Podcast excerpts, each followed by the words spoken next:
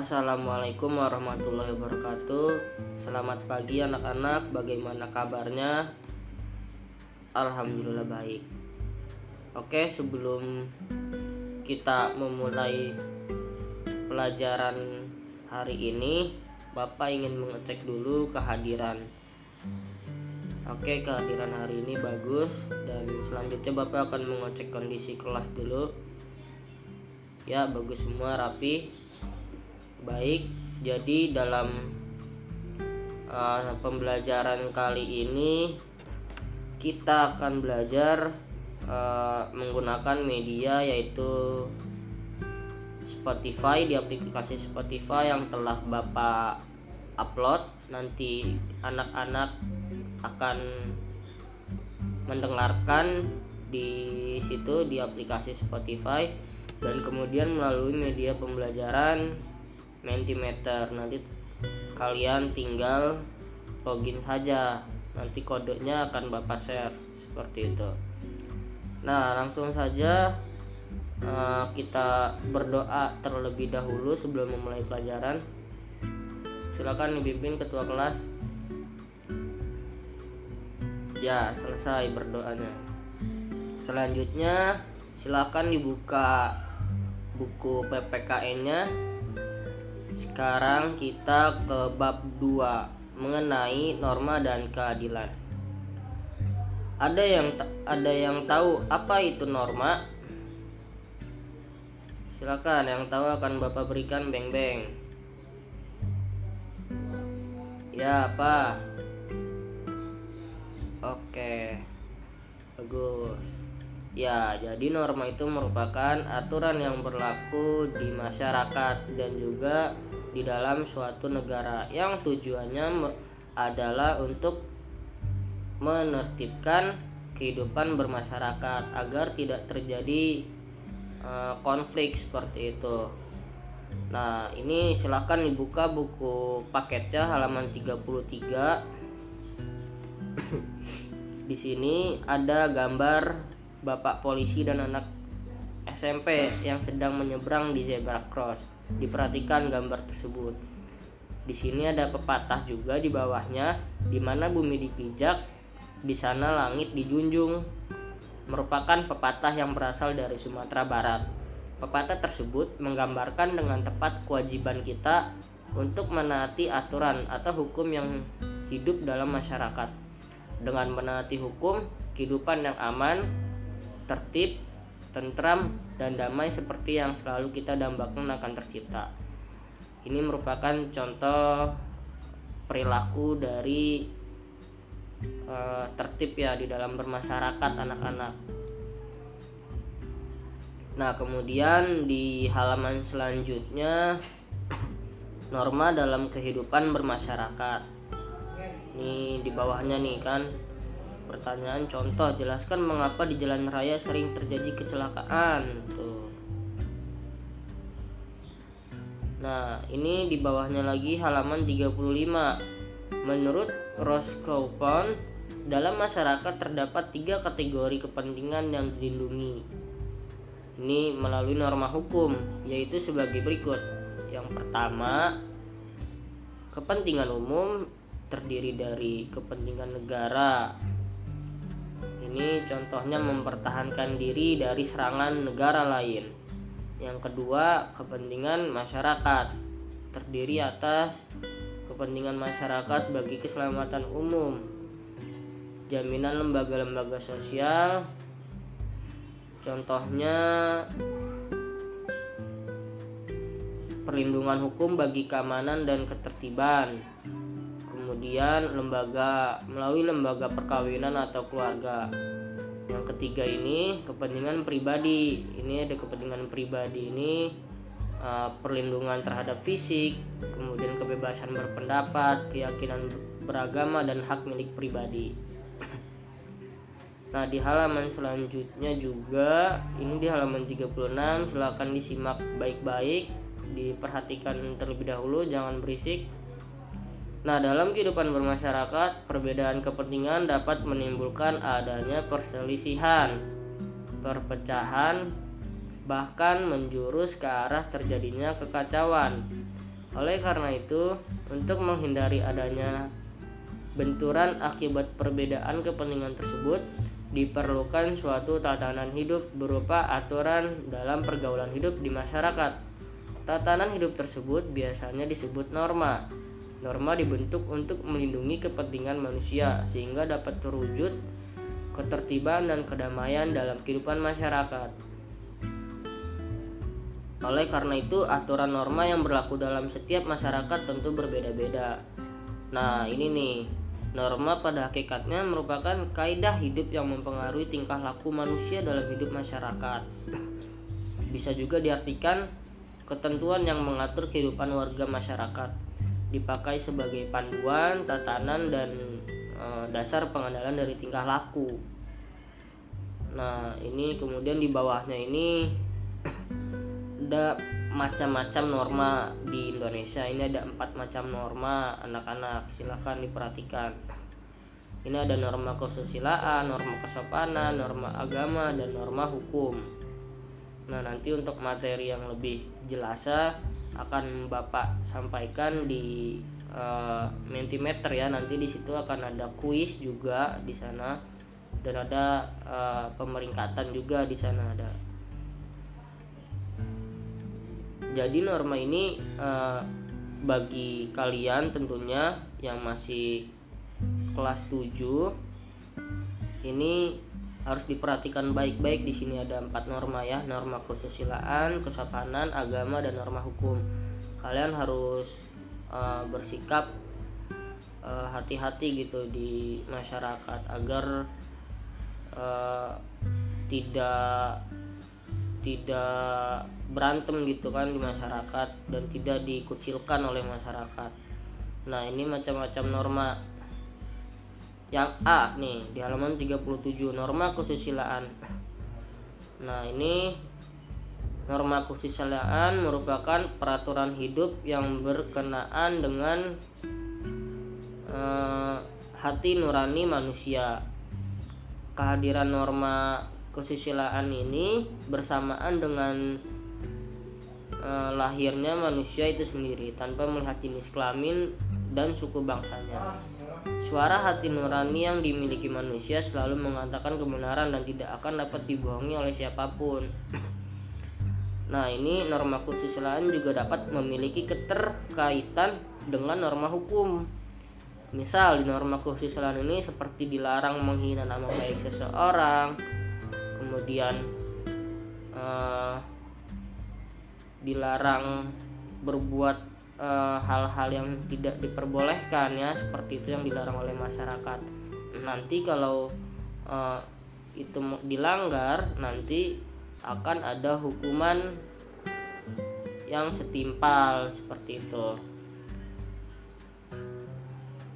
Nah kemudian ada norma kesopanan. Norma kesopanan e, berhubungan dengan pergaulan manusia di kehidupan sehari-hari. Norma kesopanan bersumber dari tata kehidupan budaya yang berupa kebiasaan masyarakat dalam mengatur kehidupan kelompoknya. Manusia sebagai makhluk sosial memiliki kecenderungan berinteraksi atau bergaul dengan manusia lain dalam masyarakat. nah, ini di salah satu contoh norma kesopanan, anak-anak bisa melihat ya dan bisa contohnya juga ini juga apa salim hormat dan salam dengan bapak ibu guru di sekolah.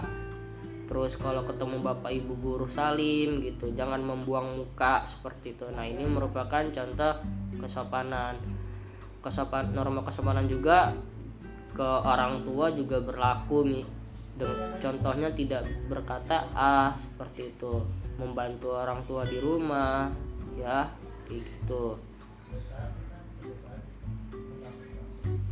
kemudian ini ada norma agama. Nah norma agama ini berasal dari Tuhan berasal dari Allah Subhanahu wa taala. Penganut agama meyakini bahwa apa yang diatur dalam norma agama ini berasal dari Tuhan yang Maha Esa. Disampaikan kepada nabi dan rasulnya untuk disebarkan kepada seluruh umat manusia di dunia. Nah, ini ada agama-agama yang ada di Indonesia. Ini ada Kristen, Islam, Hindu, Buddha, dan Konghucu. Jadi kita harus uh, apa saling menghargai ya.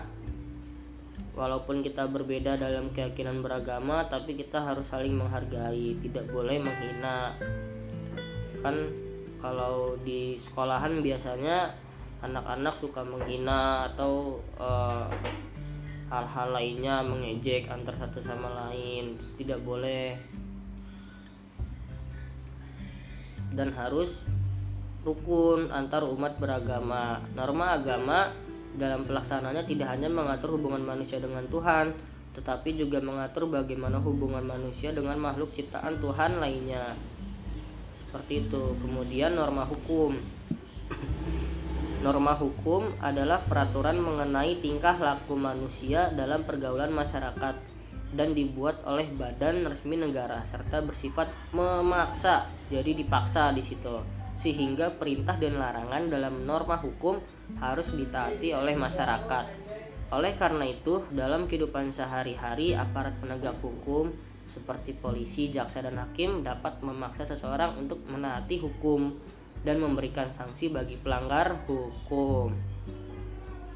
Contohnya dalam kehidupan sehari-hari itu larangan melakukan suatu tindak kejahatan, misalnya membunuh, mencuri, melakukan korupsi dan hal-hal lainnya.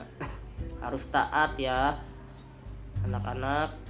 Untuk itulah setiap norma hukum memiliki dua macam sifat, yaitu sebagai berikut bers yang saat pertama bersifat perintah yaitu memerintahkan orang berbuat sesuatu dan jika tidak berbuat maka ia akan melanggar norma hukum tersebut. Contohnya bagi pengendara kendaraan bermotor untuk memiliki dan membawa SIM. Kalau anak-anak kelas 7 usia 12 sampai 13 tahun berarti masih uh, apa diperbolehkan membawa motor? Tidak. Tentu tidak karena kan masih belum mempunyai SIM gitu. Dan juga bersifat lar kemudian yang kedua bersifat larangan. Yaitu melarang orang berbuat sesuatu dan jika orang tersebut melakukan perbuatan yang dilarang maka ia melanggar norma hukum tersebut. Contohnya larangan bagi pengemudi kendaraan bermotor melebihi batas kecepatan paling tinggi yang diperbolehkan dan berbalapan dengan kendaraan motor lain. Jadi ini dilarang kalau orang tua kalian membawa motor atau membawa mobil dalam kecepatan tinggi itu bisa boleh diingetin karena itu dilarang. Ini ada pasalnya nih, ketentuan pasal 1, 115 Undang-Undang Nomor 22 Tahun 2019 tentang Lalu Lintas dan Angkutan Jalan dilengkap lagi ke halaman 46 ini arti penting norma dalam mewujudkan keadilan. Fungsi aturan dalam masyarakat antara lain pedoman dalam bertingkah laku. Ini untuk uh, pedoman kita ya dalam bertingkah laku. Norma uh, kita bisa belajar mengenai pengalaman dari orang-orang sekitar seperti itu. Yang kedua, menjaga kerukunan anggota masyarakat. Yang ketiga, sistem pengendalian sosial. Tadi itu mengenai fungsi aturan dalam masyarakat ada berapa? Ada tiga. Kemudian tentu kalau ada norma dalam kehidupan bermasyarakat uh, ini sangat diperlukan ya agar uh, kehidupan kita tetap harmonis di masyarakat. Tanpa adanya norma maka akan terjadi ketidakaturan dalam kehidupan masyarakat seperti itu. Dalam kehidupan bernegara, norma hukum memiliki peranan yang lebih besar karena mengikat dan memaksa seluruh warga negara serta para penyelenggara negara Nah, ini pasal 1 ayat 3 Undang-Undang Dasar Negara Republik Indonesia tahun 1945. Isinya bahwa negara Indonesia adalah negara hukum. Apa yang dimaksud dengan negara hukum? Nah, ini negara hukum uh, yang mendasarkan segala sesuatu baik tindakan maupun pembentukan lembaga negara pada hukum tertulis atau tidak tertulis di sini. Nah, ini ada uh, supremacy of, of law, equality, equality before of law, human rights seperti itu. Lanjut lagi ke bawah. Jadi hukum ini norma hukum ini dapat memaksa seseorang untuk menaati tata tertib yang berlaku di dalam masyarakat dan terhadap orang yang tidak menatinya nantinya akan diberikan sanksi yang tegas. Norma hukum tidak dapat berjalan sendiri untuk mencapai tujuan keadilan, maka diperlukan alat-alat perlengkapan negara. Kayak gitu ya. Alat-alat perlengkapan negara yang berwenang seperti Bapak polisi, jaksa dan hakim. Lanjut lagi ke bawah. Secara garis besar fungsi norma hukum adalah sebagai berikut. Ada empat nih fungsi hukum memberikan pengesahan terhadap apa yang berlaku di dalam masyarakat. Fungsi hukum sebagai alat rekayasa masyarakat. Fungsi hukum sebagai sarana pembentukan masyarakat khususnya sarana pembangunan. Fungsi hukum sebagai senjata dalam konflik sosial. Lanjut lagi. Ke bawah. Nah ini di halaman 50 nilai-nilai keadilan harus terwujud dalam kehidupan bersama adalah sebagai berikut. Pertama keadilan distributif yaitu suatu hubungan keadilan antara negara terhadap warganya. Dalam arti pihak negara yang wajib memenuhi keadilan dalam bentuk keadilan membagi kemudian kesejahteraan, bantuan, subsidi dan kesempatan hidup yang didasarkan atas hak dan kewajiban. Yang kedua, keadilan legal, yakni hubungan keadilan antara warga negara terhadap negara dan pihak warga negara wajib memenuhi keadilan dalam bentuk menaati peraturan perundang-undangan yang berlaku. Yang ketiga, keadilan komutatif, yaitu hubungan antara warga negara satu dengan yang lain secara timbal balik ada timbal balik misalnya anak-anak melakukan hubungan keadilan memberikan uh, makanan seperti itu nah kemudian nanti teman tersebut akan memberikan timbal baliknya lagi memberikan makanan seperti itu kalau kita akan berbuat baik pasti teman-teman yang lainnya akan berbuat baik Lanjut lagi di halaman 51. Dijatuhkannya hukuman secara ilmiah mempunyai dasar. Ada yang tahu arti ilmiah itu apa? Ya, itu berdasarkan data dan berdasarkan uh, pola pikir yang jernih. Jadi tidak tidak mengada-ngada. Dijatuhkannya hukuman secara ilmiah mempunyai dasar pembenarannya yaitu untuk kepentingan sebagai berikut. Ini ada A sampai E ya, silakan dibaca di situ. Ada pembalasan atas kesalahan, rehabilitasi, penjeraan, biar itu pelakunya jerah menyebabkan tidak dapat lagi melakukan kesalahan. Mengisolasi pelaku untuk mencegahnya melakukan lagi kesalahan yang membahayakan orang lain. Kemudian di halaman 52 norma hukum memiliki sifat yang mengatur. Tadi udah dijelaskan juga ya mengatur untuk menciptakan keadilan dalam kehidupan bermasyarakat berbangsa dan bernegara.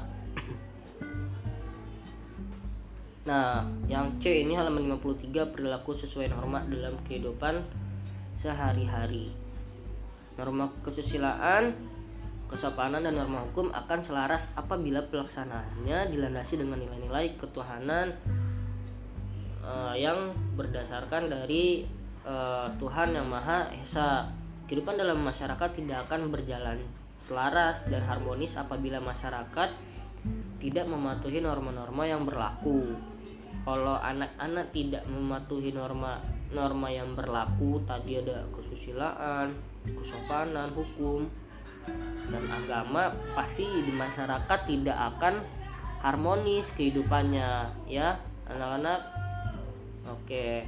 Nah, ini Alangkah baiknya jika kalian membina sikap dan budaya sebagai berikut. Yang pertama, budaya malu. Yaitu malu, contohnya malu apabila datang terlambat hadir di sekolah. Yang kedua, budaya tertib.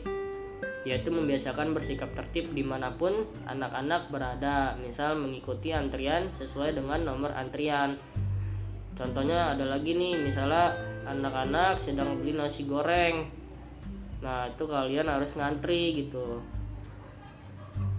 Kemudian budaya bersih yaitu sikap untuk berkata dan berperilaku jujur dan bersih dari tindakan-tindakan kotor. Jadi perkataannya itu harus nggak boleh kotor. Contohnya contohnya juga ada lagi nih tidak menyontek ketika ulangan atau ujian tuh dalam kehidupan sehari-hari masih banyak ditemukan perilaku tidak patuh terhadap norma. Ada beberapa penyebab kesadaran terhadap kepatuhan pada norma-norma dalam kehidupan masih rendah yaitu sebagai berikut. Ini ada faktor pribadi dari dirinya sendiri. Yang kedua faktor lingkungan dipengaruhi oleh lingkungan tempat tinggalnya gitu. Misalnya karena kurangnya perhatian dari orang tua, pergaulan dengan teman sekitar, kemudian lingkungan yang kurang teratur dan kumuh. Nah, mungkin materi yang Bapak jelaskan cukup sampai di sini sekitar 21 menit untuk materi tambahannya nanti akan Bapak share di grup WA nanti anak-anak bisa membuka uh, login di Mentimeter tidak perlu mendownload ya karena uh, nanti tinggal mengklik saja itu linknya. Nanti silakan diisi di situ ya.